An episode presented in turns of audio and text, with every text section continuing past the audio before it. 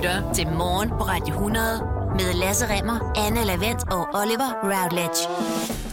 Rent ugenummermæssigt, så er vi kommet til den svære toer. Ja, det er rigtigt. Etteren er nem, ikke? Jo, men der har til gengæld ikke været ro på overhovedet i uge 2. Altså, rigtigt. Der er sket en hulens masse. Det var øh, i den her uge, at der kom en øh, endelig afgørelse for Folketingets partier omkring øh, rigsretssagen. Rigsretssagen imod øh, Inger Støjberg. Socialdemokratiet og regeringen trådte lige pludselig ud og sagde, ja, vi støtter det. Og derefter så kom Venstre og sagde, jamen vi støtter det faktisk øh, også. Og det er selvfølgelig svært for os som parti, men, men, men vi synes, det er vigtigt, det her. Men de behandlede også Folketingsgruppen øh, som økologiske høns. De bliver alle sammen fritstillet. Ja, det er nemlig rigtigt. Så skal de bare løbe rundt. Ja. Men det har på mange måder været en, øh, en historisk uge, i hvert fald i dansk politik. Og det har været et historisk år og 2020 for plastikkirurgerne, fordi vi fik jo også øh, lige fastlagt, at der er mange flere, der er gået til plastikkirurg for lige at blive strammet lidt op, lige at få fikset næsen og få lidt mere fylde i kinderne under coronakrisen. Og der er eksperter, der mener, at det er simpelthen fordi, at vi er begyndt at kigge mere på, hvordan vi selv ser ud, og hvordan vores kolleger ser ud via Zoom og Teams. Altså når vi sidder og holder videomøder, så går det pludselig op for os, hvad vi skal have rettet. Ja, det var også en uge, hvor I drog et lettelsens suk, fordi I tænkte, skal vi aldrig igen opleve en af de rutsjebanehistorier, Lasse præsenterer os for, hvor der er masser af plot, twists. Men bare rolig. Selvfølgelig, selvfølgelig får I mere af det, I elsker. Plot twist efter plot twist efter plot twist efter plot Der var twist. ikke plot twist i den Det var der. Det var der. Der var rigtig mange. Ah. Nå, men prøv at høre, hvis folk er i tvivl, skal de bare høre podcasten nu. Lige præcis. Tak fordi øh, du lytter med. Og vi kan faktisk turn back time, i hvert fald øh, på den måde, at jeg lige kan give et overblik over det, vi kalder weekenden, Døns den, dens nyheder. nyheder. Weekenden Jeg- døns. Nyheder, ja. Jeg har fundet tre historier fra weekenden, som du måske, måske ikke er gået glip af, men som jeg altså synes, du skal have med ud i din nye uge. Og den første af weekendens nyheder, som man måske er gået glip af, handler om USA's snart forhenværende præsident, Donald Trump. Ni dage tilbage. Hvem tæller? Tilbage. Der er nemlig sket det, Oliver, fuldstændig usædvanlige, at Twitter har valgt at udelukke Donald Trump permanent. Forstået på den måde, at hans Twitter-profil, den der hed Real Donald Trump, Ja. med 88 millioner følgere, undskyld, simpelthen er blevet lukket ned for godt. Man har simpelthen lukket den Twitter-profil, som han har øh, tweetet, jeg ved ikke hvor mange gange på, de seneste øh, fire års tid, ikke? Det betyder faktisk, og, og det er ret stort det her, øh, og- det, det er vildt at tænke på, men det betyder så, at mig, altså en, en, en 25-årig dreng fra, fra Jøring, øh, beskeden ung mand, har flere følgere på Twitter, end, amerikansk, end, øh, end USA's præsident har. Altså det, det, altså, det er jeg ret stolt over. Ej, det kan du godt lige klappe det, ja, dig selv på skulderen over. det, det, er, det gør jeg også. Men Twitter har altså lukket kontoen, øh, fordi Twitter mener, at Donald Trump via sin Twitter-konto har tilskyndet til vold. Det så vi jo, da øh, kongressen i sidste uge blev stormet i Washington. Ja. Og frygten er, at han på en eller anden måde vil tilskynde til den slags oprør igen. Og spørgsmålet er så, hvad gjorde Trump så, da han fandt ud af, at hans konto var blevet lukket? Så gik han på Facebook og var sur. Nej, han tweetede. Ikke på sin nu egen lukkede konto, det kan han jo af grund ikke, men på præsidentembedets officielle konto. Den har Nå. nemlig også en konto. Ja, den, har en, der hedder POTUS. Po- POTUS. Ja. Ja. Og her skrev han, at øh, Twitter altså er gået længere og længere for at forbyde ytringsfriheden, og det 100% er demokraterne og den radikale venstrefløj, der har fået Trumps konto lukket. Klart. Fordi de simpelthen ikke vil høre på ham længere, ikke? og så øh, skrev han også, at øh, kontoen var blevet lukket for at lukke munden på ham, altså Donald Trump, og de 75 millioner patrioter, der altså stemte på ham. Twitter har så også siden slettet det her tweet. og nu overvejer Trump så at lancere sit eget sociale medie. Ja, det er en god idé. Det kan være, det bliver et nytårsforsæt. En øh, nyhed, der også er kommet frem her i weekenden, er, at der nu er opstået lidt mere uenighed om, hvem der egentlig bør vaccineres først efterhånden, som vi får flere vacciner. Det er jo sådan, at sundhedsmyndighederne har en ret klar strategi og rækkefølge, men nu vil sundhedsdirektørerne og lægeforeningen gerne have læger og plejepersonale generelt længere frem i øh, vaccinationskøen, fordi de er bekymrede for den her nye og mere smitsomme britiske virusvariant, der altså er kommet til Danmark og som smitter 70 procent mere. Og bekymringen er, at den kommer til at lægge sygehusene ned. Og øh, argumentet for, fordi så kan man jo sige, hvis sygehusansatte, alle sygehusansatte skal vaccineres Først så betyder det jo, at de ældre og sårbare ikke kan få den her vaccination. Men der er sygehuspersonalets argumentation, at de ældre og sårbare jo har mulighed for at isolere sig. Hvorimod sygehuspersonalet hver eneste dag skal gå på arbejde, og dermed også er, øh, er udsat for smitte på den måde. Ja, det er også lidt rigtigt, synes jeg da. Det er rigtigt. Men så spørger man jo selvfølgelig øh, Søren Brostrøm fra Sundhedsstyrelsen, hvad han Ja, siger. naturligvis. Hvad tror du, han siger? Han siger, at under ingen omstændigheder kommer det her til at ske. Ej, jeg ved Ja. det. Gør det rigtigt? Det er, ja, det er faktisk det er meget præcist. Det er Sundhedsstyrelsen, der har lavet den her strategi, og de siger simpelthen kæmpe nej til at ændre i rækkefølgen, fordi den er præcis, som den skal være. Så det bliver jeg ikke glad om. Til gengæld kan vi glæde os over, at alle, der ønsker det, ifølge prognoserne, er færdigvaccineret senest den 27. juni. Alle i samfundet. Også dig og mig, Oliver. Ja, det er altså... Det, det er hurtigt, synes jeg. Ja, det er altså... 27. det- det- juni. Ej, hvor fedt. Sæt lige et kryds i kalenderen. Ja. Her til sidst, der skal vi lige runde øh, seneste nyt om den nu tidligere statsminister og venstremand Lars Løkke Rasmussen, som er øh, godt i gang med lige at sondere terrænet i forhold til, om han skal stifte et nyt parti. Fordi i weekenden lancerede han nemlig ikke et parti, Oliver, men et nyt politisk netværk Ja. hvor man kan melde sig ind og øh, kontakte ham, hvis man deler hans holdninger, har god indspark og i det hele taget har lyst til at dele øh, sine egne erfaringer og visioner med ham. På øh, hjemmesiden har han dog også listet op, hvad der altså, hvad, det ligner altså umiskendeligt starten til et partiprogram. Fordi han går ind for grøn omstilling, han synes NATO er rigtig fedt, og så synes han altså generelt, at man skal gøre en indsats i og for samfundet, før man beder om hjælp. Siden han øh, øh, lancerede det her nye politiske netværk, der har han efter eget udsagn fået flere tusinde tilkendegivelser fra folk, der gerne vil være med i netværket, og som altså deler ja. hans holdning om, at der skal være et bredt politisk samarbejde hen over midten. Og spørgsmålet er jo, om det her netværk på et tidspunkt bliver transformeret til et parti. Jeg må bare sige, at selvtilliden hos den gamle traver, den fejler ikke en skid. Jeg hørte også ham med deltage i en podcast for nylig, hvor han fortalte om, at han blev, han blev simpelthen stoppet på gaden på grund ja. Af de klummer, han skrev. Øh, altså, folk var virkelig glade for det. Så, Hold op, nogle gode klummer, du skriver, Lars. Hvor er det fedt, og jeg er glad for, at du siger det, som, som du siger. Det er bare rigtig, rigtig fedt. Og nu med det her nye politiske netværk, hvor, der, hvor flere tusind øh, har henvendt sig i løbet af weekenden, det er altså fedt for Lars. Det synes jeg. Ja, ja. Nu ser vi, om det bliver til et nyt parti inden for et par måneder. Det er noget, der tyder på, øh, synes jeg da godt nok. Nå, jamen tre nyheder til at øh, klæde os på til øh, den her uge. Tak, Anne, for lige at opdatere os.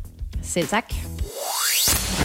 Duften af friske popcorn og en kæmpe cola i hånden, mens man er på vej ind i biografsalen, det kan godt lige virke lidt som en drøm, man engang har haft lige nu.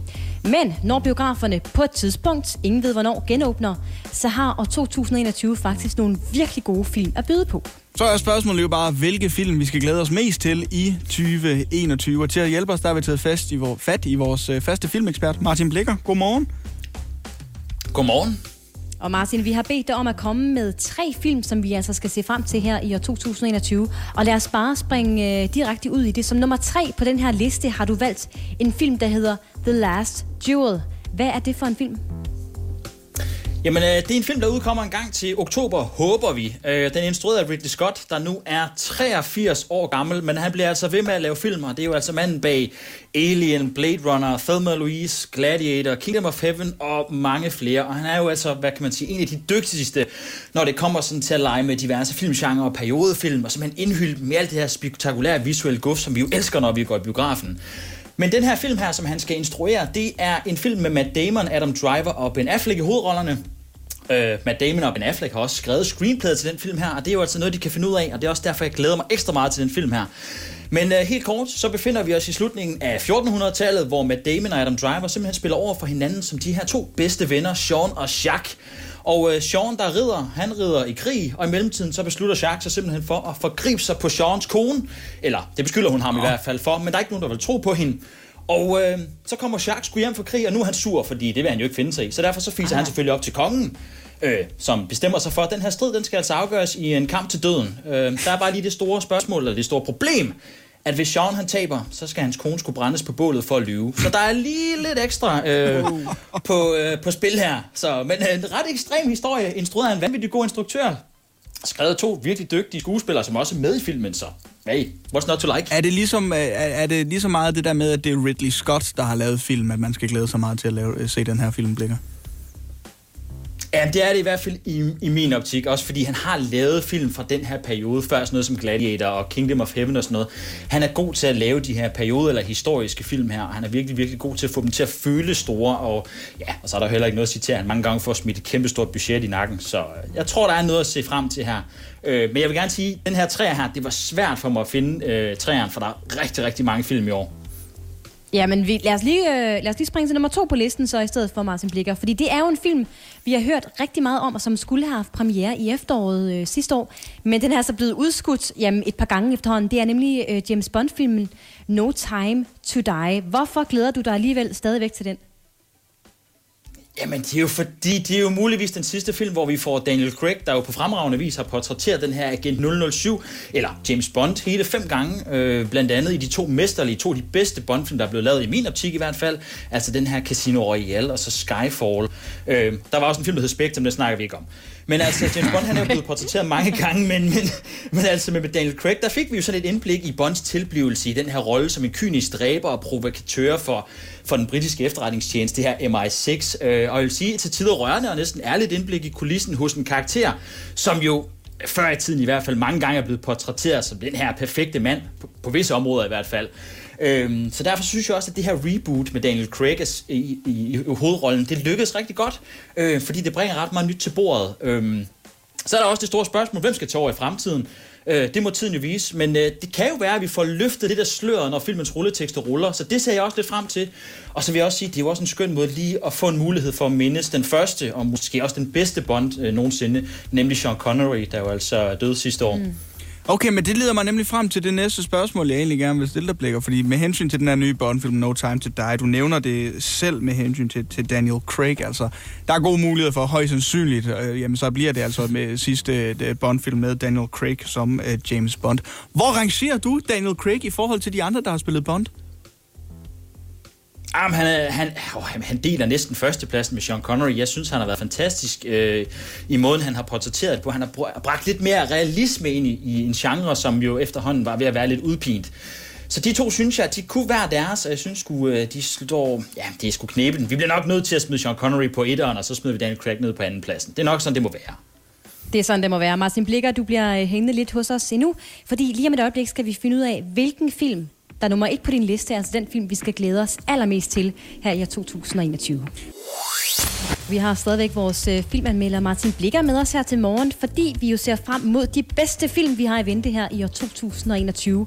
Og lige før, Martin, der kan du fortælle om os om uh, The Last Duel og No Time to Die, men vi mangler jo at finde ud af, hvem der topper din liste i år. Ja, personligt så havde jeg jo nok regnet med, at du ville sige No Time to Die, uh, Martin Blikker. For det er i hvert fald den film, jeg glæder mig allermest til i 2021. Jeg kan ikke forstå, at andre har en anden opfattelse, men sådan er det. uh, den lå som uh, nummer to, men du har i stedet for valgt uh, en film, der hedder Dune, Martin Blikker. Hvorfor, og hvad er det for en film?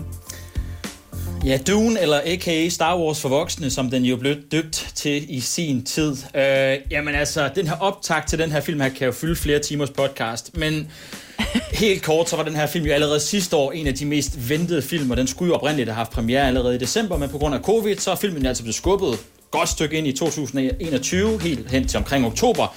Vi ved det ikke helt endnu, vi håber, øh, men for mit vedkommende, så er det en film, jeg har glædet mig sindssygt meget til, fordi filmen er instrueret af en af mine på nuværende tidspunkt favoritinstruktører i Hollywood, nemlig den fransk-kanadiske Denis Villeneuve, øh, der jo sådan set siden sin første spillefilm tilbage i 2000 jo ikke har sat et ben forkert. Altså han er manden bag film som Sicario, Prisoners, Arrival og så også Blade Runner 2049. Øh, han er uhyrligt alsidig, når det kommer til genre, stort som småt, sci-fi til action til persondrama, og han lader altså bare til at kunne det hele. Og jeg vil sige så meget, hvis der er en, som ligesom skal kunne løfte opgaven med at adaptere den her Dune til en spillefilm, så er det altså ham, fordi det er altså, som man siger på godt just, det er altså et meget kompliceret stykke fiktion, som den her film den er baseret på. Den er forsøgt at adaptere flere omgange, øh, blandt andet helt katastrofalt af David Lynch tilbage i 1984. Det var ikke kun hans skyld, men det gik ikke godt, og ja, det har så resulteret i, at der er rigtig, rigtig mange, der ikke har vil forsøge ligesom at give sig i kast med den. Og handlingen jeg tager den bare ganske kort, fordi den er sindssygt kompliceret. Men filmen er jo, som jeg sagde, en adaption af Frank Herberts science fiction novelleserie af samme fra 1965. Og den foregår ud i rummet, hvor vi følger den her unge hertug, Paul Atreides, som altså bliver fanget midt i sådan en magtkamp, både på politisk, religiøst og teknologisk niveau, øh, fordi han og hans familie selv, simpelthen tiltræder som forvalter af sådan en helt særlig, ubeboelig planet, øh, men hvor der altså er det her helt særlige og uvurderlige stof, som alle er ude efter, og så meget mere. Sådan. Mm. Det lyder som en film, man skal, man skal se for at forstå det. Jeg, jeg tænker Ja. på det ge- generelle, det generelle filmår øh, her i 2021, som vi har i vente, Martin Blikker. Hvordan bliver det? Fordi corona har jo lagt store dele af verden ned sidste år, og det er vel også på en eller anden måde gået ud over filmbranchen.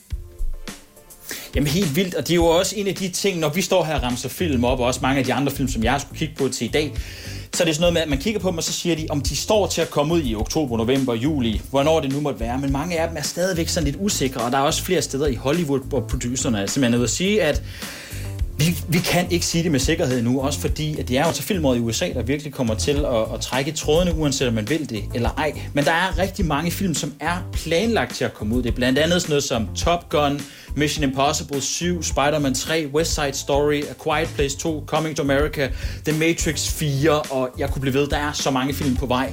Og udover de her sådan lidt mere kendte film, så er der omkring hvad, 65-68 film, som også er på vej til at blive annonceret øh, senere på året. Men det hele det afhænger jo ligesom af, om covid-situationen den kommer under kontrol i, i, i Hollywood, og om streamingtjenesterne også får et, et lov til ligesom at få et, et indspark i alt det her. Men det bliver spændende at følge med i, men uanset hvad, så kommer vi til at få sindssygt mange gode film i år. Måske lidt mere spredt, end vi håber på, men det kan også gå hen og blive et sindssygt pakket år. Men det er lidt svært at sige på nuværende tidspunkt. Og øh, af de gode film, Martin, der havde du altså valgt at fremhæve The Last Jewel, øh, Ridley Scott i kollaboration med Matt Damon og Ben Affleck, No Time to Die, den øh, nyeste, eller den seneste James Bond-film, der udkommer, og nok også den sidste med Daniel Craig i hovedrollen. Og så altså Dune, som vi lige fik sat lidt ord på her. Tak for og øh, ja, tage de tre film med til os, og ja, så krydser vi fingre for, at filmåret 2021 bliver rigtig, rigtig fedt, og vi snart kan komme i øh, biograferne og se dem alle sammen igen. Martin Blikker, øh, god morgen til dig, og øh, tusind tak for din tid. Jamen, det er mig, der siger tak. Og nu skal vi lige spole tiden en lille smule tilbage, Oliver. Vi skal lige lege, at det Okay. er marts og 2020. Nej, jeg gider Jo. ikke tilbage til marts. Jeg gør det, det vi. ikke. Statsministeren har lige lukket landet ned på et pressemøde, Åh, og så gik det ellers amok. Der var, som vi hørte, ingen grund til at hamstre, men alligevel løb vi ud og flåede varer ned fra hylderne, og så er spørgsmålet bare, hvad købte vi egentlig for at kunne overleve den her pandemi, der lige pludselig havde ramt os? Ja. Jeg har fundet en opgørelse, Oliver. Den er fra Coop.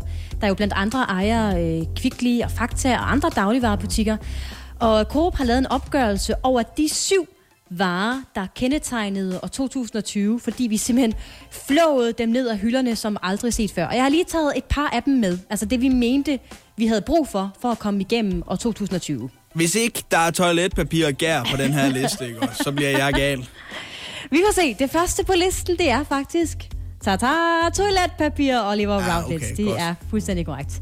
Fordi hvis der er noget, vi skal bruge for at komme igennem sådan en lockdown, så er det simpelthen toiletpapir. Ja. Vi har købt toiletpapir som aldrig før.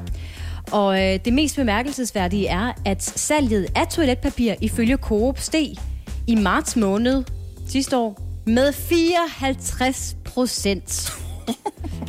Hvad behar. Det kunne så mærkes i månederne efterfølgende, fordi det viser sig, at vi ikke havde brug for at gå 54% mere på toilettet, selvom der var en øh, pandemi. Så det vil sige, at fordi vi havde købt så meget i marts måned, så faldt salget faktisk i de efterfølgende måneder. Ja, tak. Men overordnet set, øh, da året var gået, og man gjorde status i december år 2020, så havde vi altså købt 8% mere toiletpapir, end vi normalt plejer at gøre i løbet af et helt år. Ja, det giver meget god mening, altså, fordi der var et kæmpe boom der i marts lige pludselig, ikke, hvor vi alle sammen var ude og købe øh, fire men der var- kasser med toiletpapir i. Ingen grund til at hamstre. Nej. Men noget, vi åbenbart også hamstrede øh, tilbage i marts måned. Mel. Ja, der skulle bages noget, ikke?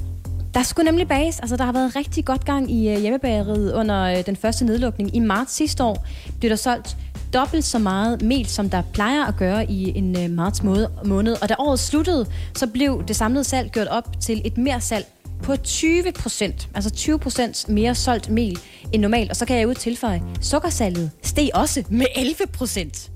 Så mel og sukker og toiletpapir. Ja, så der er blevet øh, bagt og, øh, og pruttet, siddet på toilettet. men, øh, men vi har også gjort rent, Oliver. Vi har været flittige med at få skrubbet og skuret, fordi salget af rengøringsmidler steg også i marts med 27 procent.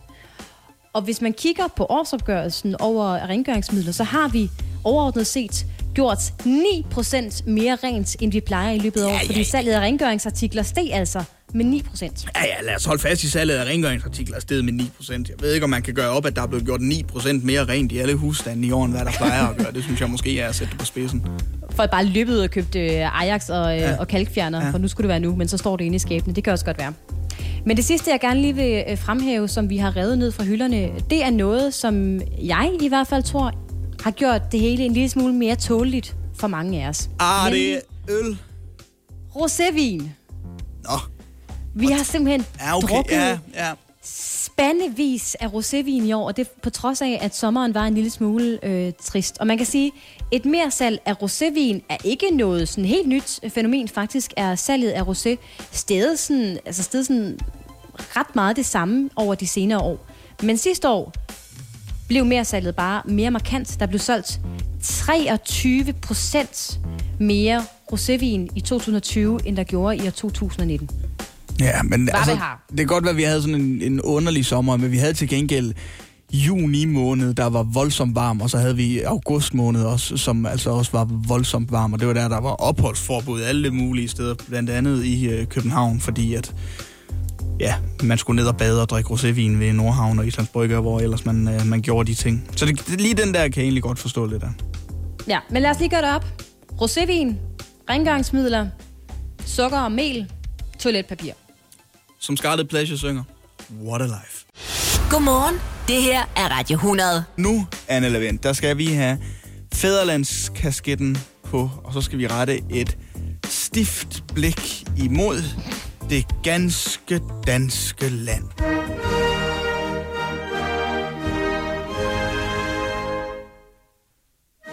Jeg håber, du har en hånd på brystet lige nu. Jeg har en hånd på brystet og et meget stift blik. Det er godt. Ja, det var det, du bad mig om, ikke? Det skal handle om sport, og det skal handle om, hvor gode vi er som nation i forhold til andre.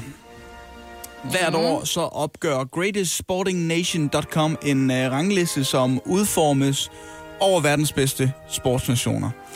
Og det her, det er faktisk ikke skide fed læsning set med danske briller. Ja. Fordi sagen er den, at vi ender som nummer 30. Og det er foran lande som Fiji og Letland og Indien. Men det er desværre også det værste land i Skandinavien.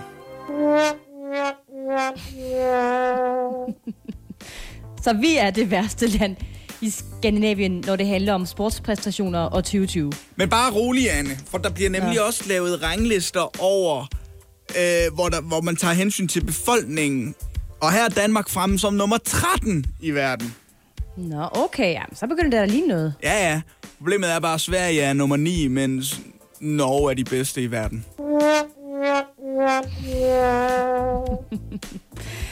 Åh, oh, de fordømte nordmand. Det var, ikke, det var ikke norsk, det der, Anne. Nej, det var bare lidt Øh, svensk, ja.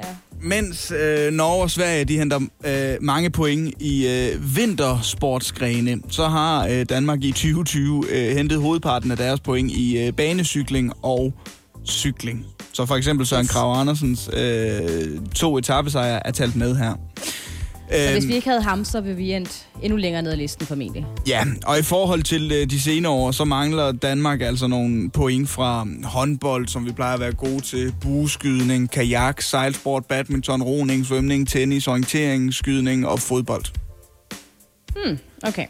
Så sammenlignet med øh, de øvrige skandinaviske lande, så har det derfor øh, nok ramt Danmark hårdere, at mange af sportssommer, sport, sport, sommersportsgrenene Sommersportsgrenene blevet, er ordet, du leder efter. Ja, de er blevet udsat og, og aflyst, hvorimod der lige nu er i gang i diverse former for vintersport, dog uden tilskuer. Er der noget, øh, nordmand elsker, så, ved jeg, så er det jo sådan noget forbandet langrendsløb, og hvad ved jeg, ikke? Ja, men det er så kedeligt. Altså, hvad nytter det at være nummer et på en liste, når, det er, når man er det i langrand? Altså, det har jeg altid sagt. Ja, men det, og, og det har du nemlig altid sagt. Øhm, det er i øvrigt USA, som topper den her liste og vinder ranglisten i år. Og, og det kan man jo ikke helt forstå, når man kigger på USA's øh, sådan hmm, generelle øh, tilgang til, øh, skal vi sige, mad og, og sport og sådan noget. Men man må jo gå ud fra, at det åbenbart betegnes som en sport i USA at storme en federal bygning, men øh, altså... Ved nærmere eftertanke, så er det nok også det mest motion, netop de folk har fået i meget, meget lang tid. Ja, de gjorde det øh, hurtigt. Ja, det gjorde de. På den lyse side, så er vi øh, underdogs til næste år, Anne. Ikke? Og øh, er der noget, vi godt kan lide, så er det altså at være underdogs. Kan du huske EM i 92? Hva? Hva? Hva? Ja, det, det kan jeg ikke. Men Nej, det kan jeg heller ikke, men, ved, vi var det- underdogs, okay? Og vi ved, det skete. Og vi, Vi gør ved, det igen til næste år, Danmark, okay? Det kommer til at ske i Danmark. Mr. Big leder mig fint frem til det, vi skal tale om nu. Vi skal nemlig tale om ham her. Goddag, det er John Deal. det var næsten for godt. Ej, det er fantastisk timet. Jeg ved godt, at vi talte om ham, øh, John Dillermand, i sidste uge, Ja, tak. Oliver. Det gjorde vi, fordi der var rigtig mange, der både blev sure og meget glade over, at DR Ultra havde valgt at lancere John Dillermand som ny stjerne i øh, børneunderholdning. Ja, jeg troede, det var, var det ikke Ramachan? Jo, hvad sagde jeg? Du sagde, det er ultra. Det er en fejl, det skal jeg beklage. Det er nemlig Ramachan. Det er for de øh, yngste, jeg mener de 4-8 år. Øh, Ja, at tak. Ham her, John Dillermand, han går ud til. Nu er der nogen, der synes, at øh, John Dillermand fortjener en sang. En hyldest. Han har da sin egen sang. Ja, han har den, den fremragende introsang, men er jeg vil sige, at... Dillermand. Ja, det er rigtig godt. Men der er nogen, der synes, han fortjener en, øh, en sang, der er lidt mere, hvad skal jeg sige, dakke-dakket. Det er nemlig den duo, der hedder ADHD, Uh, som har tænkt, vi laver, vi laver et hit, ja, der hedder. John Dillermand. Og jeg har lige klippet lidt ud af det, Oliver. John Dillermand Kan ting du ikke kan Fuck Superman Han redder vores land John Dillermand Vis dem hvad du kan John Dillermand Har du mistet den du elsker Er din mor lige krasset af Nej. Så ring til Nej. John du Jeg, føler, der kommer et drop nu. Bare vent, bare vent. så, så er vi i gang. Tænk, at man kan føle den så meget. John Dillermand. Uh. Ja, tak. Det er simpelthen øh, duen ADHD, der har valgt at tænke, vi skal da lige øh, nasse lidt, for at bruge et lidt øh, negativt ord, på den her succes og den omtale, som John Dillermand har fået. Ja. Så kan man jo synes om det her nummer, som, øh, som man vil. Man kan synes, det er fedt, man kan synes, det er rigtig dårligt. Men ved du, hvor lang tid de har brugt på at skrive nummeret, den her duo, der altså hedder ADHD? Ah, max to timer, vil jeg tro. Ja, det runder vi lige ned til 20 minutter. Ja, der kan du bare se. 20 Men- minutter men prøv øh, tog det simpelthen at skrive det her kæmpe hit, John Dillermand. ADHD er jo, er jo også den gruppe, der har lavet sange, der hedder Vodkafjes, Brækket dig i busken, Mundbind, V for sejr og pizza. Altså, de bruger generelt set ikke ret lang tid på at lave deres sange, tror jeg. Ser du det? Ja, og det, øh, men det er åbenbart noget, der er populært alligevel. Ja. Da vi vågnede uh, torsdag morgen i uh, sidste uge, der var der uh, specielt en nyhed på alles læber, og uh, det var... Uh, hvad fanden foregik der lige i USA i går? Uh, hvad, hvad fanden skete der der? Hvad var det for noget? Øh, det var og er stadigvæk øh, tankevækkende at øh, tænke på de her demonstranter, patriots, terrorister, kald dem hvad man vil, øh, kunne komme så langt og lykkes med at bestorme altså selve organet for verdens ældste demokrati. Efterfølgende så øh, blev jeg så nærmest paf, da jeg så de her personer forlade Capitol Hill igen. Ud af hovedindgangen, øh, uden at der ventede politi til at anholde dem, men at de sådan nærmest bare fik lov til at vandre hjem, og øh, derefter så det hele som en stor sejr for dem selv. Altså, jeg, sad, jeg så, at der var nogle af dem, der satte sig ude på de her tribuner, der var blevet øh, bygget op ude foran kongressen, i- øh, fordi de skal være klar til Joe Bidens indsættelse. Der sad de bare, som om at de lige øh, spiste lidt madpakke efterfølgende, ja. og sagt, huh, hård arbejdsdag. Nemlig. Så, så anhold dem da. Der skete ikke rigtig noget. Men derfor så glæder det mig også nu, at der er begyndt at florere videoer og artikler med opfølgende historier omkring anholdelsen af de mest hardcore demonstranter, terrorister, patriots øh, fra onsdag aften, og ikke mindst nogle informationer omkring de konsekvenser, der venter dem. En af dem, som øh, er blevet anholdt, det er den republikanske politiker, der hedder Derek Evans. Mm. Øh, for mindre end en måned siden, der blev 35-årige Derek Eden Evans taget i ed som medlem af repræsentanternes hus i øh, delstaten, der hedder West Virginia. Øhm, sker så bare det, at Evans han, øh, selv deltog i de her optøjer ved kongressen. Han valgte også lige at krydre det med en livestreaming på Facebook. Øhm, råbte, kom med tårgassen, vi er ligeglade, vi tager det her land tilbage, om I kan lide det eller ej. Og Evans han sluttede så efterfølgende video, er slettede videoen og skrev på Facebook, han deltog som et uafhængigt medlem af pressen for at filme en historisk begivenhed. Ah, var. Det, jamen, det er også dumt. Altså, der er jo så meget bevismateriale derindefra, fordi de ikke kunne styre sig og men- skulle fotograferes på Nancy Pelosi's kontor og øh, på øh, talerstolene, og jeg ved ikke hvad. Det understreger måske meget godt, hvad det er for nogle typer, der har valgt at øh, bruge deres onsdag på det her. Evans han øh, risikerer op mod halvandet års fængsel for øh, sigtelser om ulovligt ophold på øh, forbudt område, samt voldelig indtrængen og gadeuorden. Og øh, lørdags, i lørdags, jamen der valgte han så at trække sig. Øh, ja. som øh, altså en del af repræsentanternes hus i, i West Virginia, og skriver, jeg tager fuldt ansvar for mine handlinger, og jeg fortryder dybt enhver smerte eller skam, jeg har bragt over min familie, mine venner, mine vælgere og medborgere. Hmm.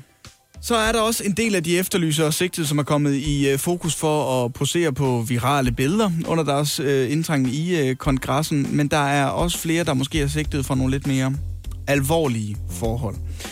En af dem er en øh, bevæbnet mand, der øh, i sidste uge rejste fra Colorado til Washington D.C. for at deltage i den her øh, Trump-demonstration i den amerikanske hovedstad. Øhm, ifølge New York Times så har federale myndigheder sigtet ham for trusler mod Nancy Pelosi, altså demokraternes toppolitiker, efter han i en sms har skrevet, at han vil sørge for, og jeg citerer nu, at Pelosi fik en kugle i hovedet på direkte tv.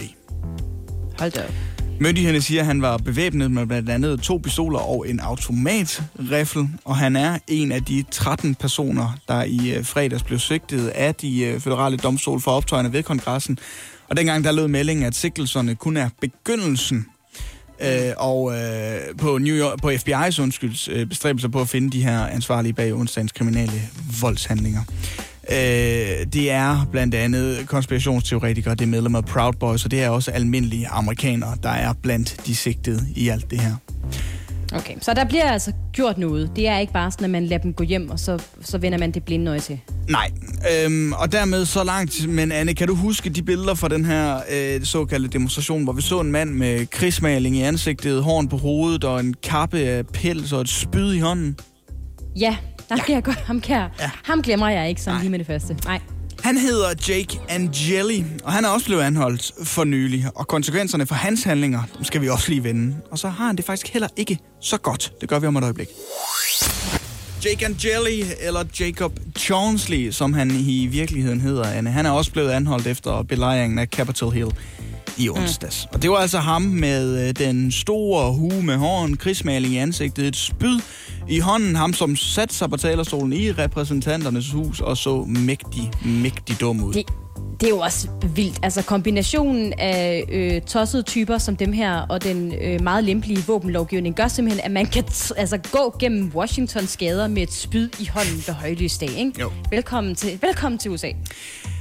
Jake Angeli, han er en af de mest kendte figurer i den her såkaldte QAnon-bevægelse. Den opstod øh, omkring en øh, konspirationsteori i 2017, men har så for alvor fået medvind i forbindelse med øh, coronakrisen. Og han blev efterlyst af politiet i Washington D.C. efter optøjerne, og øh, i fredags der blev han anholdt i Arizona og sigtet for blandt andet i voldelig indtrængen og ulovligt ophold i kongresbygningen, oplyser det amerikanske justitsministerium forud for den her anholdelse. Der fortalte Angeli så til øh, BBC, altså det britiske medie, at øh, de her dramatiske begivenheder, som man var en del af, det var patrioter, der gjorde, hvad landets stifter ville have gjort. Nå, så han har ikke fortrudt særlig meget. Det har han ikke, nej. Men sagen er den, han sidder altså i fængsel lige nu og venter på øh, en øh, dom. Og han har det faktisk ikke skide godt inde i de her fængslande. Ved du hvorfor? Fordi han ikke har fået sin pelshue med. Nej. Øh, han har ikke spist noget siden i fredags. Nå, Øhm, og det har han ikke, fordi de ikke serverer økologisk mad i fængslet. Nå. Altså Okay. samme mand, som mener, at flere millioner stemmer er blevet svindlet, og som højt råbte Stop the Steal i onsdags, spiser ikke mad i øh, fængslet, fordi det ikke er økologisk. Ja, så må han jo lade være. Jamen altså, prøv at høre. Hvis ikke der er nogen, der er i gang med at skrive en serie på en eller anden streamingtjeneste, ud af det, der er foregået i USA i løbet af de sidste fire år, så skriver jeg ned med mig selv. Ja. Jeg skal nok se den, Oliver. Det bliver rigtig god, tror jeg. Jeg synes, det er... Ja, ah, men jeg ved ikke, hvor jeg skal begynde. Men lad være med at spise i fængsel, fordi det er økologisk, ikke er økologisk, det er over grænsen. Hjælp en, du holder af med at tage det første skridt til bedre hørelse. Få et gratis og uforpligtende hørebesøg af Audionovas mobile hørecenter. Så klarer vi det hele ved første besøg, tryk dig nemt i eget hjem. Bestil et gratis hørebesøg på audionova.dk eller ring 70 60 66 66. Lad os sige, at du får en knæskade på skituren til Østrig med veninderne.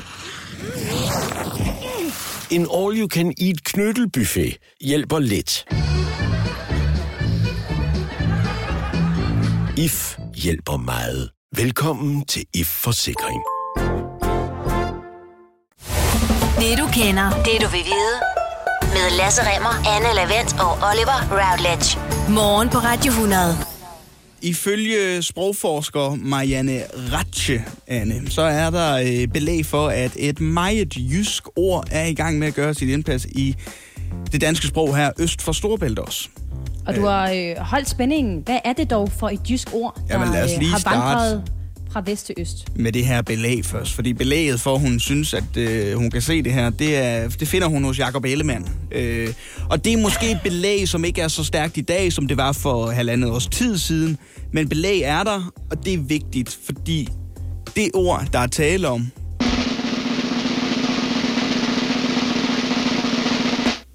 træls. Træls. Ja.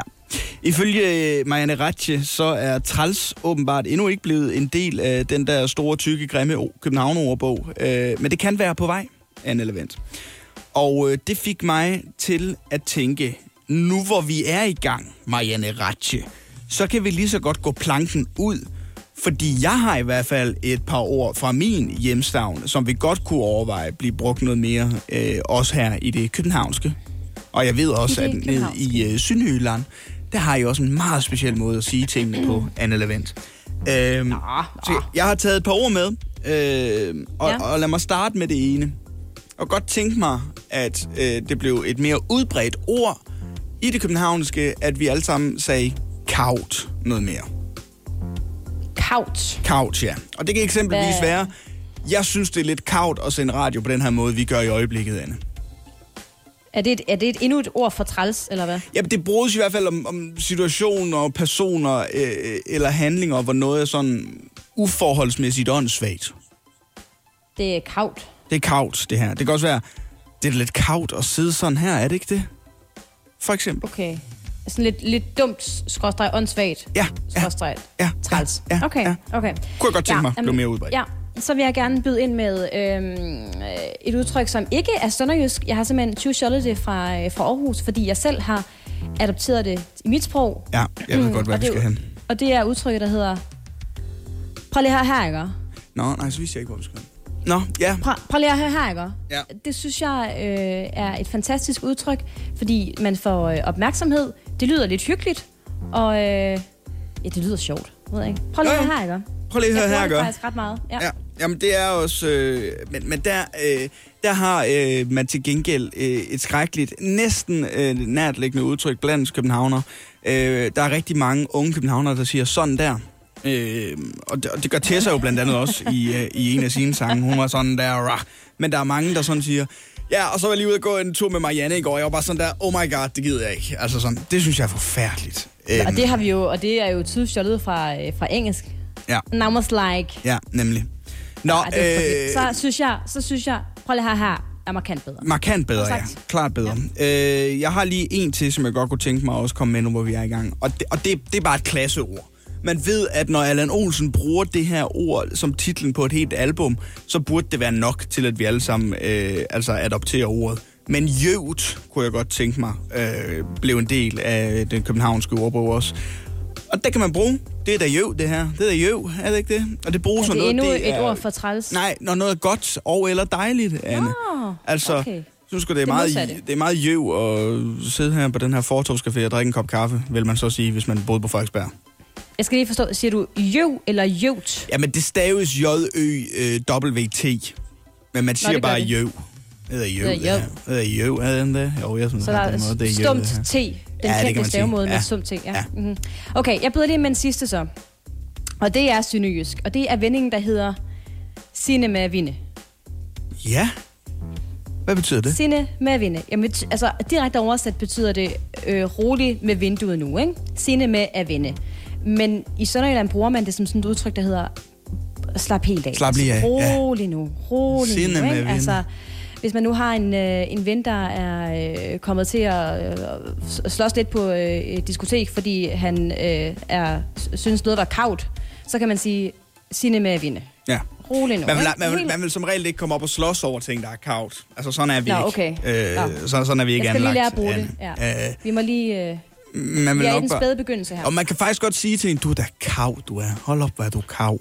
Men altså, det er jo ikke... Og så kan jeg have lyst til at slå dig, og så er der en, der kan sige sine med vinde. Ja, jamen okay så. På den måde kan vi godt, øh, kan vi godt Og så kan den. man sige moin, Ja, ja men og så, og så går man, øh, Og så går man alt godt. Og så, og så synes man, det havde været en træls aften. det er bare dermed altså, en opfordring på nogle ord til Marianne Ratche, øh, sprogforskeren, øh, der som mener, at træls er blevet en del af øh, de københavnske, øh, i hvert fald øst for Storebælt, øh, ordbogen herover. Øh, og mens vi er i gang, så synes vi altså lige, der er nogle, øh, nogle yderligere ord, der også kunne komme med. Hvis du har nogen, du også gerne øh, synes, at øh, der kunne blive brugt noget mere, så hører vi gerne fra dig inde på vores Instagram-side, eller inde på Facebook. Og folk, de har tækket og bedt os og ringet og sagt, ej, det var så fedt i onsdags, hvor I gav onsdags olferter til noget, I var lidt træt af. Ja. Så vi har øh, haft et lille redaktionsmøde, Oliver. Det vender tilbage. Det gør det nemlig. Og det lyder jo sådan her.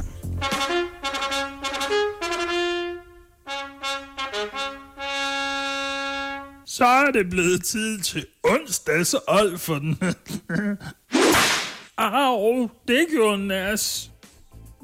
Det gør, det gør nas at få en onsdags Olfert. Til gengæld er smerten hurtigt overstået. Og øh, min onsdags Olfert, Oliver, kommer til at smelle i øh, flere bagdele. For jeg vil gerne give øh, Olferter til alle dem fra den såkaldte Men in Black demonstration, som i weekenden ikke kunne finde ud af at opføre sig ordentligt, da de gik på gaden for at demonstrere mod coronarestriktionerne. Ja tak, det var den der, der foregik i København. Ja, men også i Aalborg faktisk. Og det er ikke fordi, vi skal give en olfer til dem for at forsamle sig og demonstrere. Det må de nemlig gerne. Men de skal virkelig have en øh, seriøs olfert for at kaste fyrværkeri efter tilfældige, og ikke mindst for at angribe øh, politibetjente, der egentlig bare passer deres arbejde. Og så et lille råd.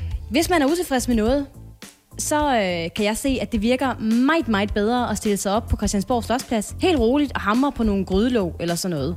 Øhm, det så vi i hvert fald dengang, øh, hvad hedder det, man ikke ville tvangsvaccineres. Der stod Ja, en masse inde på Christiansborg Slotsplads for at hamre i grydelåg. Ja, men, men jeg altså... vil nu også mene, at det virker ret godt at skrive et Facebook-opslag. et Facebook-opslag, ja. ja det kan du jo så Mm. Det ved man, at Men øh, jeg vil- Mette Facebook Frederiksen ser i hvert fald. Men jeg vil i hvert fald gerne give en onsdagsolfer til de demonstranter, der øh, skaber utryghed og ikke opfører sig ordentligt. Og så kunne straffen i øvrigt også, udover en olfert, måske være at sende dem i en form for øh, samfundstjeneste på landets corona-afsnit, så øh, sygeplejerskerne og lægerne måske kan blive aflastet øh, en lille smule. Men øh, yes, onsdags olfert til trælse demonstranter. Au for satan, det gør ondt. Ja, tak. hva'? Min onsdagsolfert, den går til en øh, helt speciel gruppe mennesker, som jeg dagligt støder på i det københavnske. De er sikkert også andre steder rundt omkring i landet. Er det københavnere? Det er kærestepar. Nå, Nå, hvor er det sødt. Kærligheden blomstrer, kyssene, de vil ingen ende tage, og hånd i hånd, så går de ind i deres lokale supermarked for at handle ind til en eller anden dum risotto, som jeg håber, de kommer til at brænde på. For hvorfor skal I stadigvæk handle sammen? Hvad? Alle retningslinjer siger, en person per husstand. Og lad være med at fortælle mig, jamen vi bor faktisk ikke sammen. Det er sådan, at min kæreste Agnete, hun bor på Amager, og jeg bor faktisk på Nørrebro. Jeg er fuldstændig ligeglad. I kan godt handle alene, når det er det, som I bliver bedt om på forhånd. Tusind, tusind tak. Og i øvrigt, så er øh, løsningen på jeres dårlige brændte risotto, at I skal have mere vin i. Og det er altid svaret på alle retter. Mere vin i, okay? Så min onsdagshold den går til, altså til de her kærestepar, der insisterer på stadigvæk at tage ud og handle sammen. Af for helvede, jeg håber, det gør ondt. Smask. Ja, lige præcis. Sådan der, Anne Lavendt.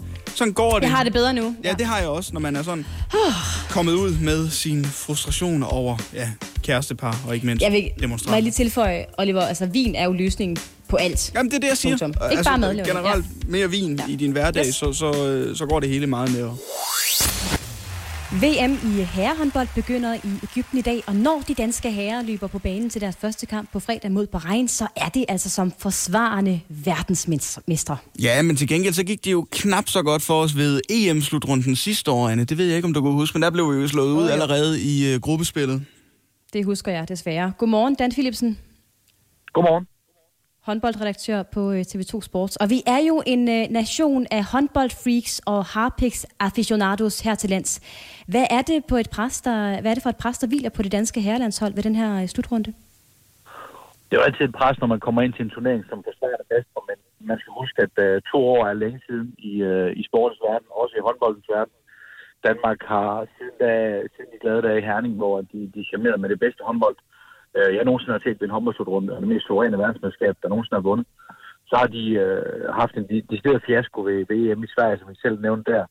Og så i mellemtiden er, er den, den Ja, han er nok vigtigere end Mikkel Hansen, fordi han kan spille i begge ender af banen, hvor Mikkel Hansen kun er, er angrebsspiller.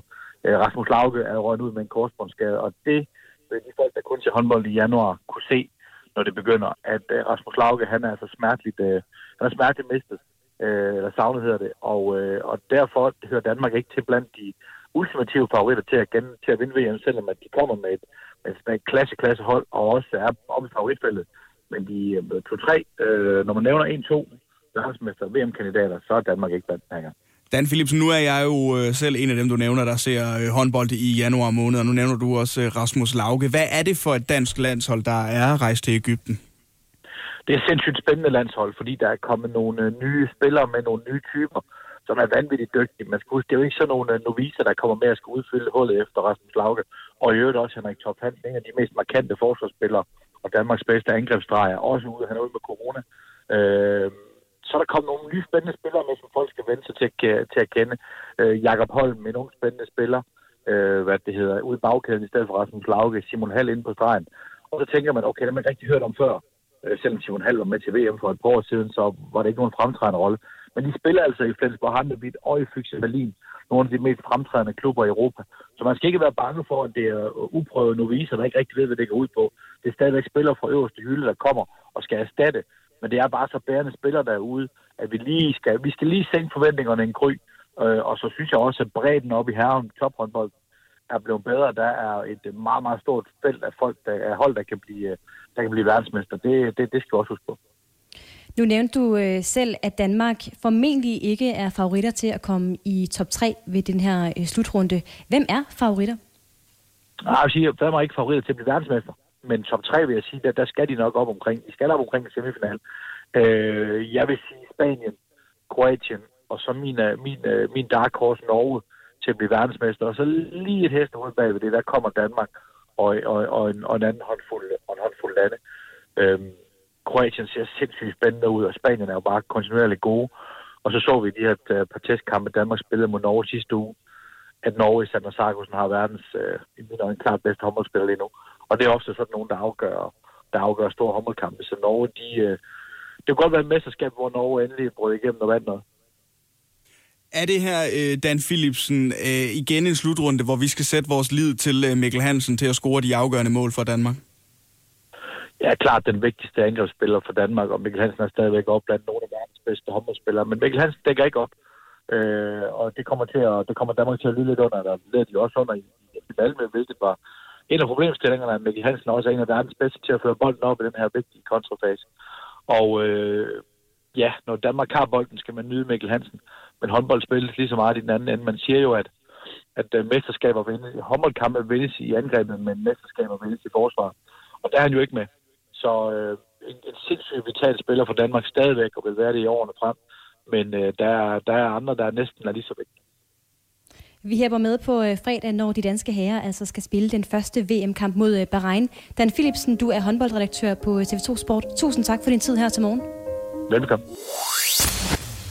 I går der havde Berlinske en artikel, hvor man kunne læse, at folkeskoleelevernes faglige niveau er faldet, efter at de begyndte at modtage hjemmeundervisning. Det viser sig simpelthen, Varbe har, at det ikke er lige så effektivt at blive undervist ved en computerskærm, som det er i en skoleklasse. Det Og det er jo ikke, øh, jo, det er ikke så godt, Oliver. Men så var det jo, at vi tænkte, at der nok også er nogle fordele ved, at eleverne bliver undervist derhjemme. Og der er sket det, at vi simpelthen har fundet en liste. Ja. En liste på et lærerværelse, et tilfældigt sted i Danmark, vi kan ikke sige hvor, som altså indeholder fem gode grunde til, at det for lærerne faktisk er okay at arbejde hjemmefra, og som de minder sig selv om dagligt, selvom de selvfølgelig også helst vil undervise øh, eleverne ansigt til ansigt. Og nu sker der det, at vi simpelthen kommer til at læse op fra den her liste, der altså rummer fem gode grunde til, at lærerne alligevel skal prøve at se det positive i den her fjernundervisning, så længe det varer. Ja. Og jeg vil gerne øh, komme med den første grund. Der står her. Hvis et barn larmer i timen, kan du slukke for det. Ja, det er jo smart, ikke? Altså, man er behøver ikke at smart. sige til Valdemar, Valdemar, har du ikke sød at tige stille? Valdemar, helt ærligt, jeg prøver lige at fortælle lidt om ligninger heroppe. Man behøver da ikke sende dem op på rektors kontor, hvis man overhovedet gør det stadigvæk. Nej. Man kan bare sige, jeg slukker lige for dig et ja. øjeblik, Valdemar, ja. ikke? Ja. Det næste, der står på den her liste, det er, husk, at du slipper for lugten af prut og madpakke i din oh. dagligdag. Vigtigt, vigtigt, vigtigt. Vi kender alle sammen lugten af den der leverbustej, der måske lige har fået lov til at, at ligge i et par timer, og hvis der er nogen, der har været dumme nok til at komme lidt agurk ovenpå os, og alt veden ja. er faldet ud af den agurk ned i, uh, ned i leverbustejen. Uh, det, det dufter af helvedes det, og, og blandingen af det, og, og de prutter, der bliver slået af børn inde i et klasselokal, og, er ikke lækker. Og børn prutter, altså, og, det, og det ved vi jo, sådan er det. Mm. Der står også øh, endnu en god grund her. Hvis du ikke lige kan huske, hvad lille solbue eller askeskod hedder, fordi deres forældre havde en hjerneblødning, da de skulle navngives, så står deres navne altid nede i bunden af deres billede, når du underviser dem. Det er også smart. ikke? Også, også en fordel, ikke? Så er man fri for at lave den der, dig, der, og så pege. Nu kan man bare sige, ja, hvad står der der? Ah, der står solbue. Så er det din tur. Og dertil øh, så står der faktisk en parentes under det råd. Hvis øh, du kender en, der hedder Askeskod, øh, så skal du bede øh, ham i sommer at tage til øh, en nomolog og få ændret det navn. Ja, ja. Det står der også, Næste ting, der står på listen her, det er... Du slipper for, at August og Storm kommer op og toppes over et mål ude i skolegården, hvor den ene griner, og den anden begynder at græde og synes, det hele er meget uretfærdigt. Øhm, det er et tænkt eksempel, der står her.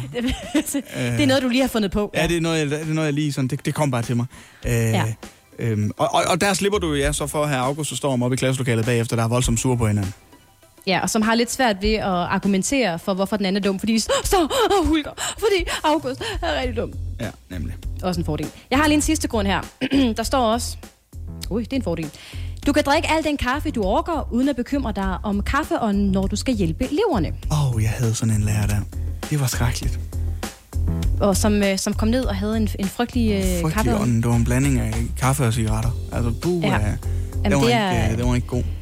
Klassisk øh, skolelærerånde, også dengang øh, jeg gik i skole. Men det behøver man altså som skolelærer slet ikke at tænke på, nu hvor man øh, laver øh, fjernundervisning. Og tak, fordi I gør det. Ja, tusind tak, og vi ved godt, at I også selv synes, at jeg som skolelærer, at det er ikke det faglige niveau, I har ønsket, men så er det vigtigt at vende tilbage til den her liste, der står inde på jeres, ja. øh, hvad hedder det, lærerlokal, øhm, og, og, og, og ligesom være, være opmærksom på, nå ja, det er da rigtigt, der er, det er da helt rigtigt, de her ting, dem, mm. dem slipper jeg da fuldstændig for. Nyd det, mens det var. Og så er jeg lærerlokal, jeg mener lærerværelset. Altså, det er lang tid siden, jeg har gået i folkeskole. du, du har ikke gået i skole så lang tid. Det er også okay. Hjælp en, du holder af med at tage det første skridt til bedre hørelse. Få et gratis og uforpligtende hørebesøg af Audionovas mobile hørecenter. Så klarer vi det hele ved første besøg, tryk dig nemt i eget hjem. Bestil et gratis hørebesøg på audionova.dk eller ring 70 60 66 66. Du lytter til Morgen på Radio 100 med Lasse Remmer, Anne Lavendt og Oliver Routledge. Over på øh, DR.dk den anden dag, der øh, så jeg en overskrift, og det var ikke en clickbait-overskrift, men øh, da jeg læste den, så fik mig alligevel til at tænke, ah, ah, det lyder lidt klamt, det, det, det kan da ikke være rigtigt. Øhm, overskriften, den lød, jeg deler tandbørst med min kæreste. Mm-hmm. Øh, opfuldt af en under, underrubrik, hvor der så står, at der er 16 unge, der deler nogle af de me, deres mest mærkelige vaner. Øhm, og det har de så gjort inde på DR.dk øh, via DR3's Instagram-side. Og øhm, rigtigt nok, så øh, deler Josefine på 30 sin vane med DR, hvor hun siger, min kæreste og jeg har altid, har, har altid delt tandbørst. Jeg har aldrig tænkt, at der var noget galt med det. Først for nyligt fandt jeg ud af, at det ikke var helt normalt.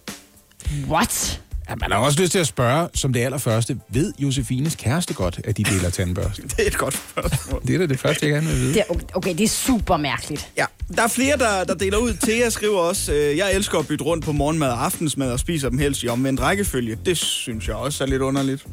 Sådan en omgang øh, carbonara til morgenmad og sådan noget Ej, cornflakes til aftensmad. Har, har I nogen idé om, hvor meget man stempler sig selv som mand, i hvert fald ved at indrømme, at man nogensinde har spist et morgenmadsprodukt efter klokken 18 om eftermiddagen? Altså får man at vide, at man er en taber. Ja, Altså, er du er ikke i et forhold, det kan vi godt blive enige om. Ikke?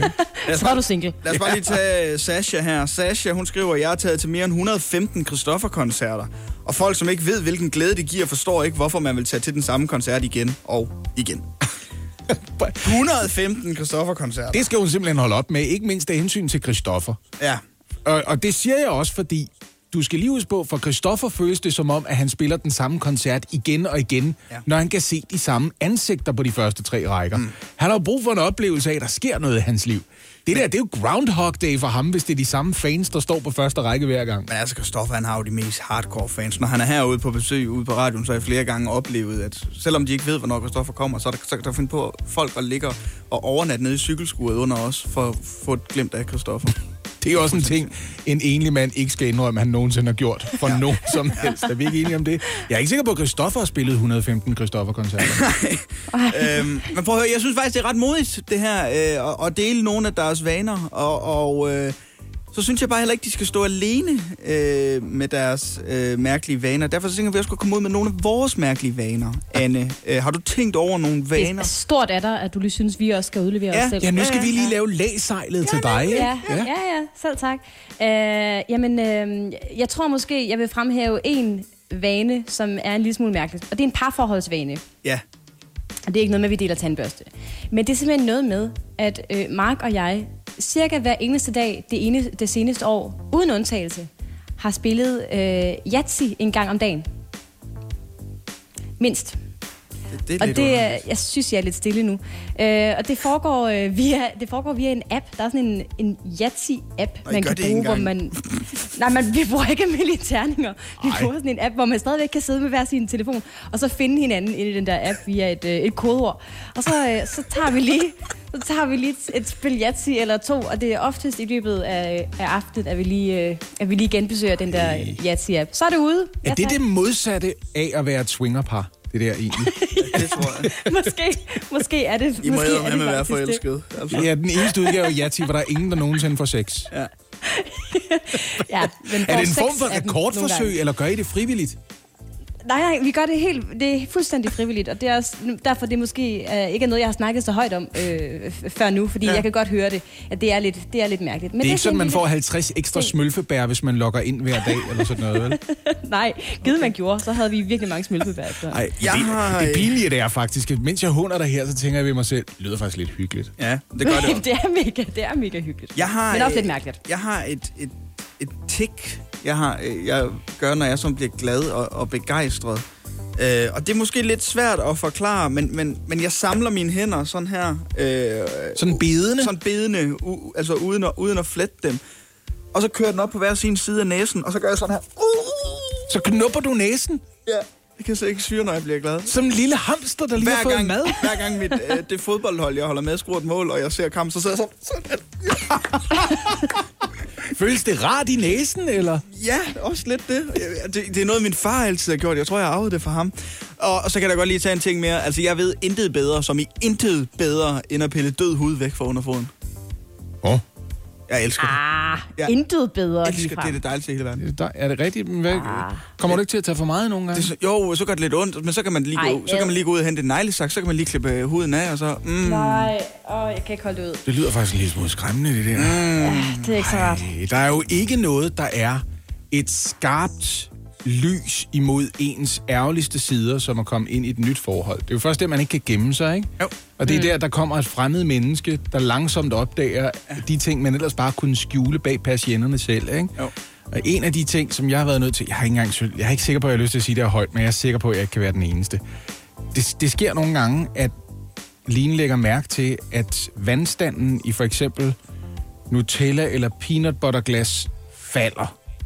Ja. Øhm, og det er der jo ikke noget skamfuldt i overhovedet. Udover, når hun så lige får spurgt, er det dig, der har... øh, Har du, har du lige fået dig en øh, Nutella-mad?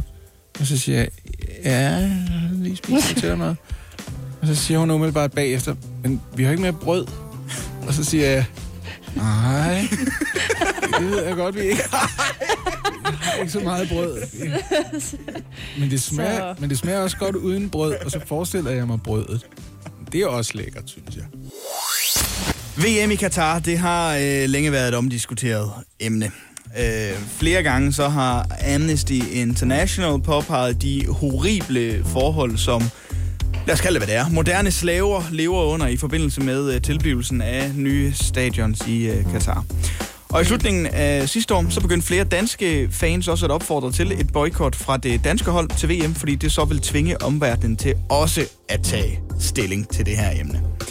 Og et øh, potentielt boykot af VM, det var også på dagsordenen i øh, forgårs, da Joy Mogensen skulle svare på spørgsmål fra blandt andet SF's Carsten Hønge omkring Danmarks deltagelse til VM næste år. Og øh, om det her omdiskuterede emne, der svarede Joy Mogensen, det er de internationale idrætsforbund, som træffer beslutningerne om, hvor begivenheder skal afholdes, og som derfor også må stå på mål for beslutningerne. Regeringen bakker generelt op om vores idrætsinstitutioner, som vi opfatter som ansvarlige og med et solidt demokratisk fundament, øh, et solidt demokratisk funderet udgangspunkt. Med andre ord, så smider øh, vores kulturminister bolden direkte over til øh, DBU igen og øh, siger, at man ikke kan blande idræt og øh, idræt og politik sammen, sport og politik sammen. Og den udmeldelse, tænker jeg, at kronprinsen er rigtig glad for at, at høre og lige blive understreget endnu en gang. Dejligt. Ja, det kan jeg ikke lade sig gøre. Der er vel ikke nogen, der kan være overrasket over det, Carsten Hønge, der stiller spørgsmål til det her.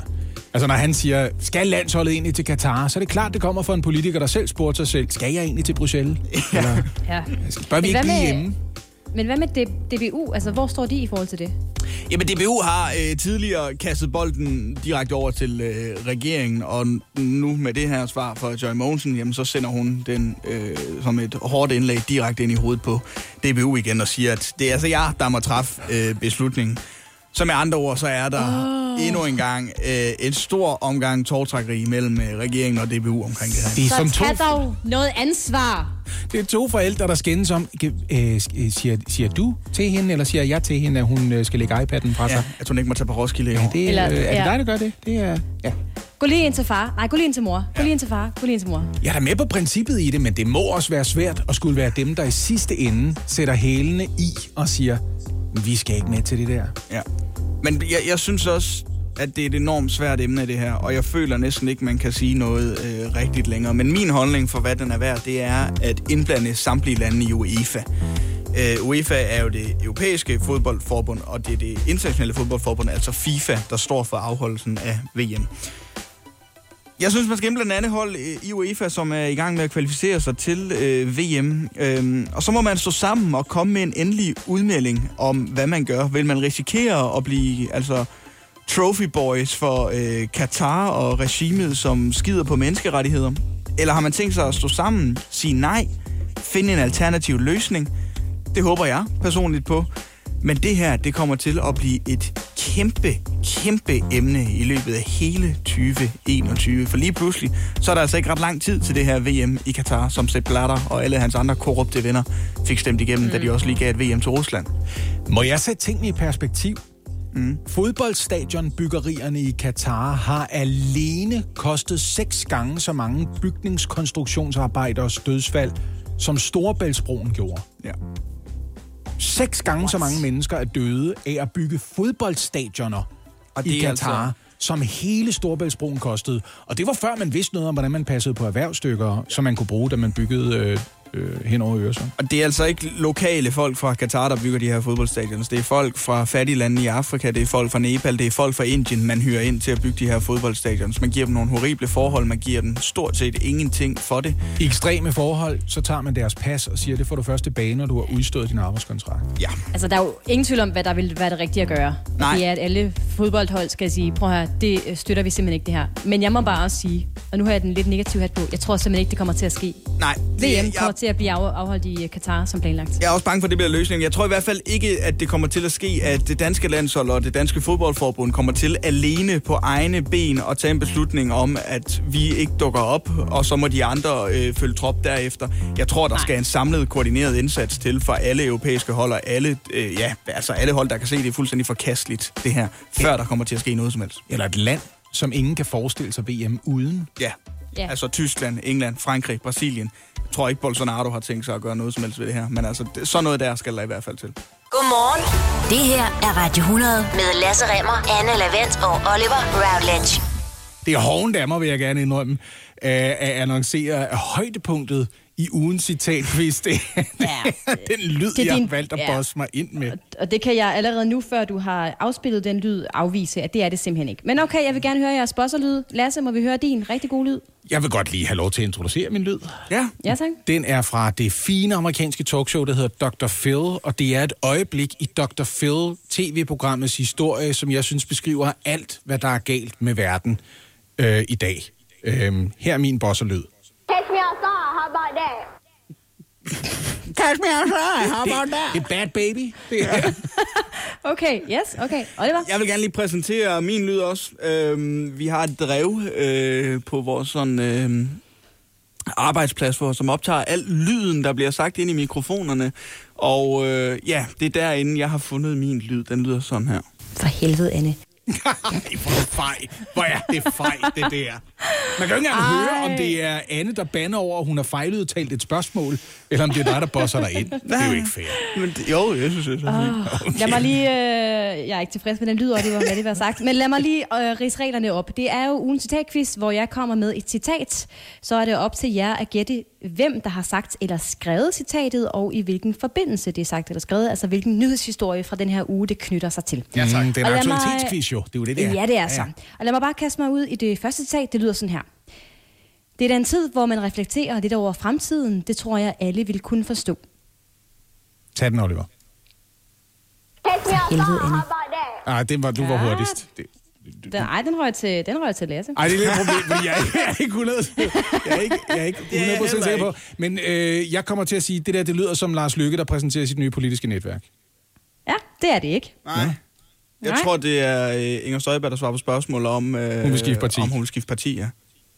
Det er fuldstændig korrekt, Oliver Routledge. Det var også yes. mit backup-svar. Men det var Venstre under omstændighed. Ja, det var det. Ja. Ja, det er rigtigt. Yep, to point til Oliver. Ja. Ja. Næste citat.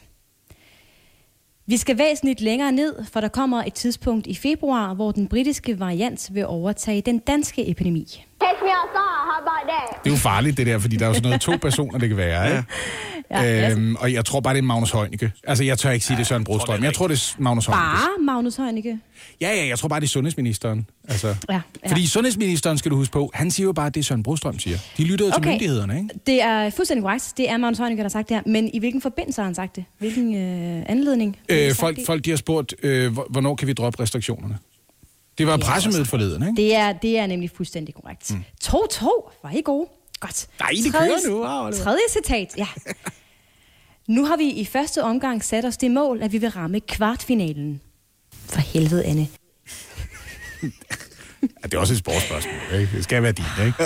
Oliver? Øh, jeg kan godt være i tvivl om, hvem der har sagt det, men øh, det øh, er i hvert fald om øh, det danske herrelandshold, der starter deres VM. Det er i aften, de spiller første kamp til VM, mm. det danske herrelandshold. Øh, og så må jeg gå ud fra, at jeg satser på, at det er Nikolaj Jakobsen, der har sagt det. Og det er fuldstændig rigtigt satset. Der er to point lige der, Oliver. Det Jakobsen er fuldstændig træneren, korrekt. Lasse. Nå, ja. Ville det ikke være... Øh, men jeg er stadigvæk lidt i tvivl. Og hvor ville Ja. det ikke være fedt, hvis vi havde et fodboldlandshold, der bare gik til en slutrunde med den samme attitude? Jo, det lyder skønt. Okay, næste citat.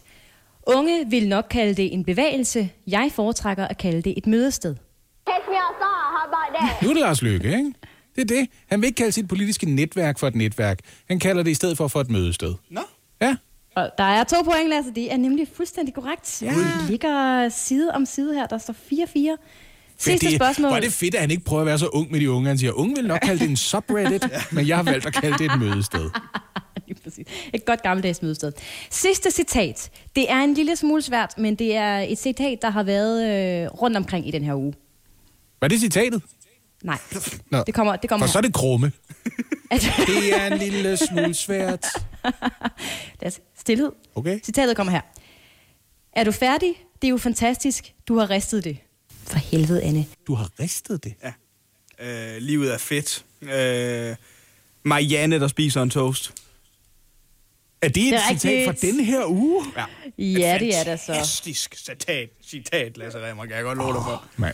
Det er i anledning af det her genforeningsprogram af Livet er fedt. Her 20 år efter, der ser man et klip med øh, Marianne, som får en toast og synes, det er helt fantastisk. Åh, men og det, det er også meget dejligt, synes jeg. Ikke? Ja, altså toast er en øh, lækker spise. Det betyder, Oliver, du vinder, men du vinder snævert 6-4, citatquizzen den her uge. Ja, altså, jeg skulle, have, jeg skulle have hørt det originale citat, og Oliver har lige sørget for, at det rent faktisk ligger lige for fingerspidserne for mig, ikke? Marianne fra Livet er fedt, som lige dukker op igen.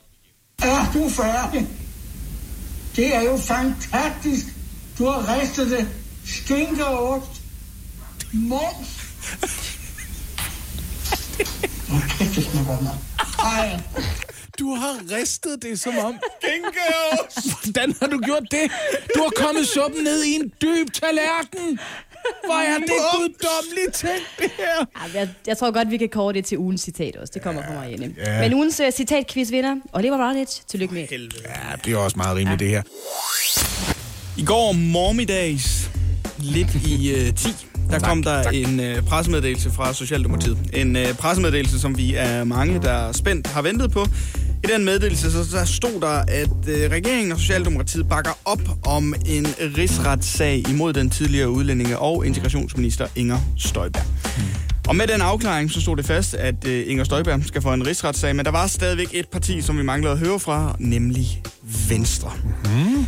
Venstres folketingsgruppe, øh, de samlede sig i går kl. 8.30 til et øh, gruppemøde på øh, Christiansborg. Mødet det tog lidt længere tid, end hvad man havde regnet med, men kort før kl. 11, så kom Jakob Ellemann ud fra mødet og sagde, at man i Venstre også valgte at bakke op omkring i en rigsretssag imod sin, ja, nu tidligere næstformand i gruppen. Wow. Ja. Hvad med Inger Støjberg? Hvad var hendes reaktion på det her? Altså hendes egen gruppe, hendes eget parti valgte at sige, du skal altså få en rigsret? Jamen altså kort tid efter Ellemann han uh, trådte frem og sagde, at man støttede rigsretssagen, så kom uh, Inger Støjberg også ud og uh, forklarede sig, og hun var ikke tilfreds. altså, um, der er ikke nogen, som dør af at komme for en rigsretssag. Det har Inger Støjberg sagt før, men hun gentog det så igen i går. Og da hun så blev spurgt ind til, hvad hun synes om sit eget partis beslutning om at støtte rigsretssagen, så havde hun svært ved at skjule skuffelsen. Den største mistillidserklæring, man kan give til øh, en kollega i Folketinget, det er at rejse en rigsretssag. Øh, og dermed er det jo også den største mistillidserklæring, jeg kan få fra min egen formand. Ja, ja hun og Elman Jensen er vist ikke sidekammerater i Snapstinget, hva'? Hvad, hvad, hvad, hvad sker der så nu? Jamen, der, der sker ikke noget sådan lige nu og her. Altså, vi mangler stadigvæk halvdelen af rapporten fra Instrukskommissionen, som blandt andet skal kortlægge embedsværkets rolle i uh, sagen. Og der går nok lige lidt tid, før uh, den uh, endelig er klar. Det, der dog står klart og øh, tydeligt, det er, at, som man også kan høre på Inger Støjberg, hun er ikke tilfreds med øh, situationen i Venstre. Og øh, hun måske godt kunne være klar til at finde sig nogle andre legekammerater. Hun er sådan en, der synger to the left, to the left, bare to the right, to the right, eller hvad, ikke? Ja. Jeg Jo, kan sagtens finde en anden, det er da ikke det, der, Der er masser, går der jo vil i med. hvert fald øh, løse rygter med, omkring Inger Støjberg, men både øh, Pernille Vermund fra Nye Borgerlige og Christian Thulesen Dahl fra Dansk Folkeparti har i hvert fald ikke lagt skjul på deres åben fløjt med øh, Inger Støjberg. Men hvad hun vælger at gøre, det er det vist kun øh, Inger Støjberg øh, som ved, og det tror jeg måske ikke engang, hun selv er klar over endnu. Altså, Hun for er, i særdeleshed hun er i hvert Dansk fald Folkeparti... vendt noget skrå. Ja, det har hun. Ja, det er det siger hun, ikke? Øh, for Dansk Folkepartis vedpå, vedkommende, der er det jo som om, de sidder og spiller Matador, og Inger Støjberg er hver eneste grund, de mangler for at kunne bygge huse, ikke? Så det- de er klar til at give nærmest hvad som helst, for at få hende på hånden. Rigsretten, den øh, bliver dyr. Den kommer nok også til at tage lang tid og optage meget tid for de danske højesteretsdommer. Men øh, Inger Støjberg skal altså stå øh, til ansvar for sin øh, ulovlige instruks for en øh, rigsret. Det er besluttet nu. Øh, og ja, splittelsen i Venstre, den er ikke ligefrem blevet mindre. Der var ni medlemmer, der stemte imod den her øh, rigsret. Altså, de mente simpelthen ikke, at man skulle gå ud og bakke op omkring en øh, rigsret. Altså sådan, øh, politisk set, så har 2021 ikke slappet af på nogen som helst måde. Jeg tror faktisk, jeg tør sige én ting. Hvis Inger Støjberg havde siddet her lige nu, så havde hun protesteret over én ting, du sagde. Du sagde, at hun skal stå til regnskab for sin ulovlige instruks. Og det er jo det, hun er utilfreds med. Ja, ja. Det er jo det, hun siger, nej, nej, nej, nej, jeg, har, jeg, jeg sagde bare, at jeg synes, man skal skille dem ad. Mm. Ja, men, men det var ikke mig, der sagde, at man skulle gøre det ulovligt. Nej, og hun bliver også ved med at understrege, at hun som den eneste øh, ved, hvad det rent faktisk er, der er øh, foregået, da alle de andre, der var i lokalet for Venstre i går til det her gruppemøde, ikke var der. Altså i det mindste så hun ikke stået og sagt, jeg glæder mig til om sider at få lov til at fortælle min udgave af historien for retten, og så vil jeg blive renset, fordi det er kun skyldige mennesker, der siger den slags. Ja. Er det ikke rigtigt? Ja, jo. Det her, det bliver interessant, og det kommer til at stå på længe, og vi følger med i hvert et lille træk.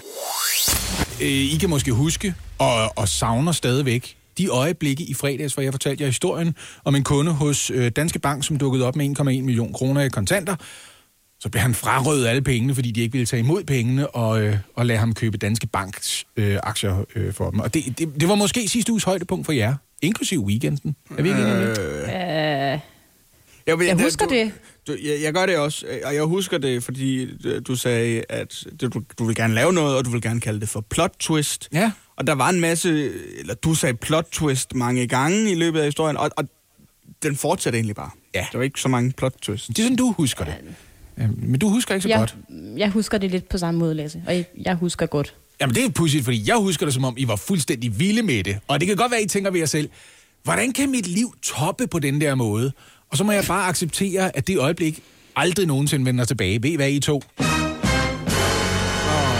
nej. Plot twist! I får lov til at genopleve øh, højdepunktet nu. Øh, på den måde, at jeg har en helt anden historie til jer. Men den er også fuld af følelsesmæssige udsving. Den er en rutsjebanetur, Oliver. Ved du hvad, Anne? Det, den, det, er, det er som at sætte op i en gynge. Nogle gange er du højt op, nogle gange er du langt nede. Det var lidt det samme, ikke? En rutsjebanetur. Jo. Gynge, faktisk Ja, ja. Øh, jeg har en erhvervshistorie til jer. Øh, den her uge. Hvad? Det er I ikke vant til. At jeg lige er inde i finanssektionen for at finde mig en øh, nyhed. I kender og elsker Jysk Sengetøjslager. Er det ikke rigtigt? Jysk Jo. Sengetøjslager. Kæmpe succes. Mit navn er Lars Larsen. Jeg har en tilbud til dig. Men hey! Jysk Sengetøjslager har jo ikke heddet Jysk Sengetøjslager lang tid, så der er en lille plot twist her, ikke? Øh, de, de har heddet Jysk i mange år. Ja, de havde sådan en meget kunstfærdigt logo, men det forenklede de til en meget simplere svane, og Men de har igen- sig Jysk rigtig mange steder, ikke? Det er ikke et plot twist, at de bare hedder Jysk. Det, det ved vi godt. Ja, ja, men ikke historien. Altså, historien, der starter med at sige Jysk Sengetøjslager, så siger jeg ja, ja. Så går jeg lige ind og siger, det er, hvad I tror. Men det hedder det faktisk ikke. Og hvis I tror, det hedder Jysk i hele verden, så tager I fejl, fordi... Plot twist. I alle tysktalende lande, der hedder de Danisches Bettenlager. Eller det plejede de at gøre, fordi... De har allerede skiftet navn til Jysk øh, i Østrig. Så det hedder Jysk. Okay, så det hedder Jysk nu. Ja. Okay. Øhm, Okay. Prøv at høre, Jysk Sengetøjslager. Når man hører navnet Jysk, så tænker man jo, øh, jo ved sig selv, men deres største marked, det giver sig selv. Det ligger i navnet. Det er Jylland. Men hey! Plot twist. Hvis du siger Jylland nu, så smadrer jeg dig. Jysk, jysk, Hvad mener jeg? Jysk største marked er faktisk Tyskland. Nå, okay. Ja, det er det største enkeltstående marked. Og de har egentlig været skilt op i øh, to forskellige ben. De har haft øh, Jysk Nordic, som ligesom har stået for alle lande, hvor man ikke taler øh, tysk. Hmm. Og så har de haft Danisches Bettenlager, som altså dækker tysktalende lande. Men tiden er kommet til, at man også i Tyskland accepterer, øh, at man kommer ind under jysk paraplyen. Og der er ikke noget plot twist her. Det er bare planen. Planen er, at de der cirka 1000 butikker i Tyskland, øh, de skal omdøbes. Og der tænker jeg ved selv, det er fandme godt tænkt af Lars Larsen. Men hey! Plot twist, Lars Larsen døde i øh, 2019. stop. Ja, det gjorde han døde i 2019. Det er et plot twist, som det havde jeg ikke regnet med. Det er bare, I er lige noget at investere jer i hans liv, og så fortæller jeg, han er her ikke mere. Ej, hvor er det ærgerligt, det her, ikke? Ja. Måske er I bekymret lige nu øh, på Jysks vegne og tænker, "Må- er de paniske? Hvad er det her? Er, er, de, er de nervøse? Fordi corona har ramt Jysk enormt hårdt. De er jo i detailbranchen. Ej, det kan være, det er derfor, de er nødt til at skifte navn. I håb om, at der kommer nye kunder i butikken. Måske går det helt af helvede til. Ved I hvad I to? Plot twist! Det går faktisk rigtig godt for Jysk. Det gør det. Det går okay. helt okay for dem. De oplevede faktisk en øh, omsætningsvækst på 8% i regnskabsåret 2019-20. Så øh, der tror jeg nok Yes. lige... Øh, der tror jeg nok Og du lige... fik bygget en spænding op der. Ja. Og nu tænker jeg ved jer selv, hey, den her historie, den er så fed, at jeg vil høre meget mere om Jysk. Men ved I hvad? Plot twist, jeg har ikke mere. Jeg har ikke øh, mere. Hvad det? Ej, det var vildt det her, var. Hvad, ja, hvad var historien, Lasse? Det her, det er som at se den sjette sans 30 gange i træk på to minutter. Er det ikke rigtigt? Altså, det er bare hele tiden, what? Er Bruce Willis et spøgelse? Spoiler alert. Jeg tror, at det var noget om, Anne, at, At det hed Danish Danish Betten. Bettenlager skifter navn til, til Jysk nu. Vent lidt. Du skal huske at sige plot twist. Nu skifter de navn til Jysk. Ikke? Og Og, og det går godt for dem. Vent, vent. Hvis du tror, det går dårligt for dem, så tager du fejl. Plot twist. Det går faktisk rigtig godt. Så. Tjek. Ja, Godt det, så. det, Ja. er, det er sexet finansnyt, det der, ikke? Hvad? Øhm, så Så kan det der, godt... så var der lige det med Lars Larsen. Ja. Nej, det er rigtigt nok. det er en fed idé, han har fået, men ved I hvad? Plot twist, han døde for to år siden. Så, Yes. ja, Ja. det er det. Og ved I hvad? Nu tænker jeg ved jer selv, det var en fed nyhed, men jeg trænger også til noget musik. Kan jeg få noget Hugo Helmi? Ja, du kan, men hey! Ikke nu, fordi øh, nu skal vi høre Lucas Graham. Så plot twist. Ikke? Det var et plot twist, ja. Det var det faktisk, ja. Morgen på Radio 100. Med Lasse Remmer, Anne Lavendt og Oliver Routledge.